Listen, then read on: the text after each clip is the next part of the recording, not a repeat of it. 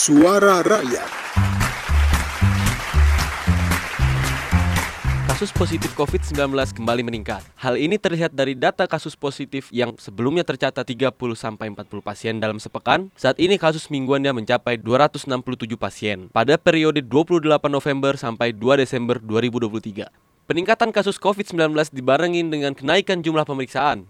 Di sisi lain, ada dugaan varian baru yang memicu tingkat transmisi atau penularan lebih cepat dan lebih menginfeksi.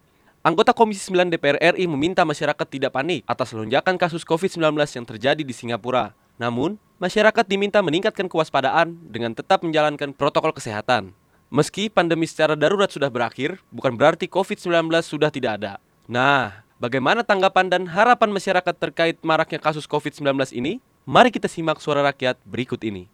Nama saya Dandi Pradana, saya masyarakat dari Desa Jombang, Kecamatan Ciputat, Kota Tangerang Selatan, Provinsi Banten.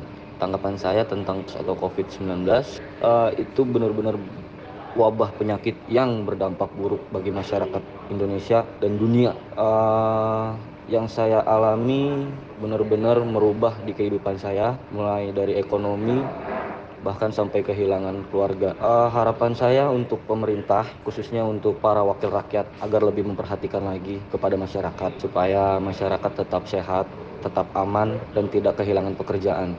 Karena dari beberapa kasus ini banyak masyarakat yang kehilangan pekerjaannya. Jadi eh, mohon untuk para pimpinan, untuk para anggota, untuk para bapak-bapak yang terhormat agar diperhatikan lagi masyarakatnya agar tetap hidup, tetap sehat dan tetap maju di negara Indonesia ini.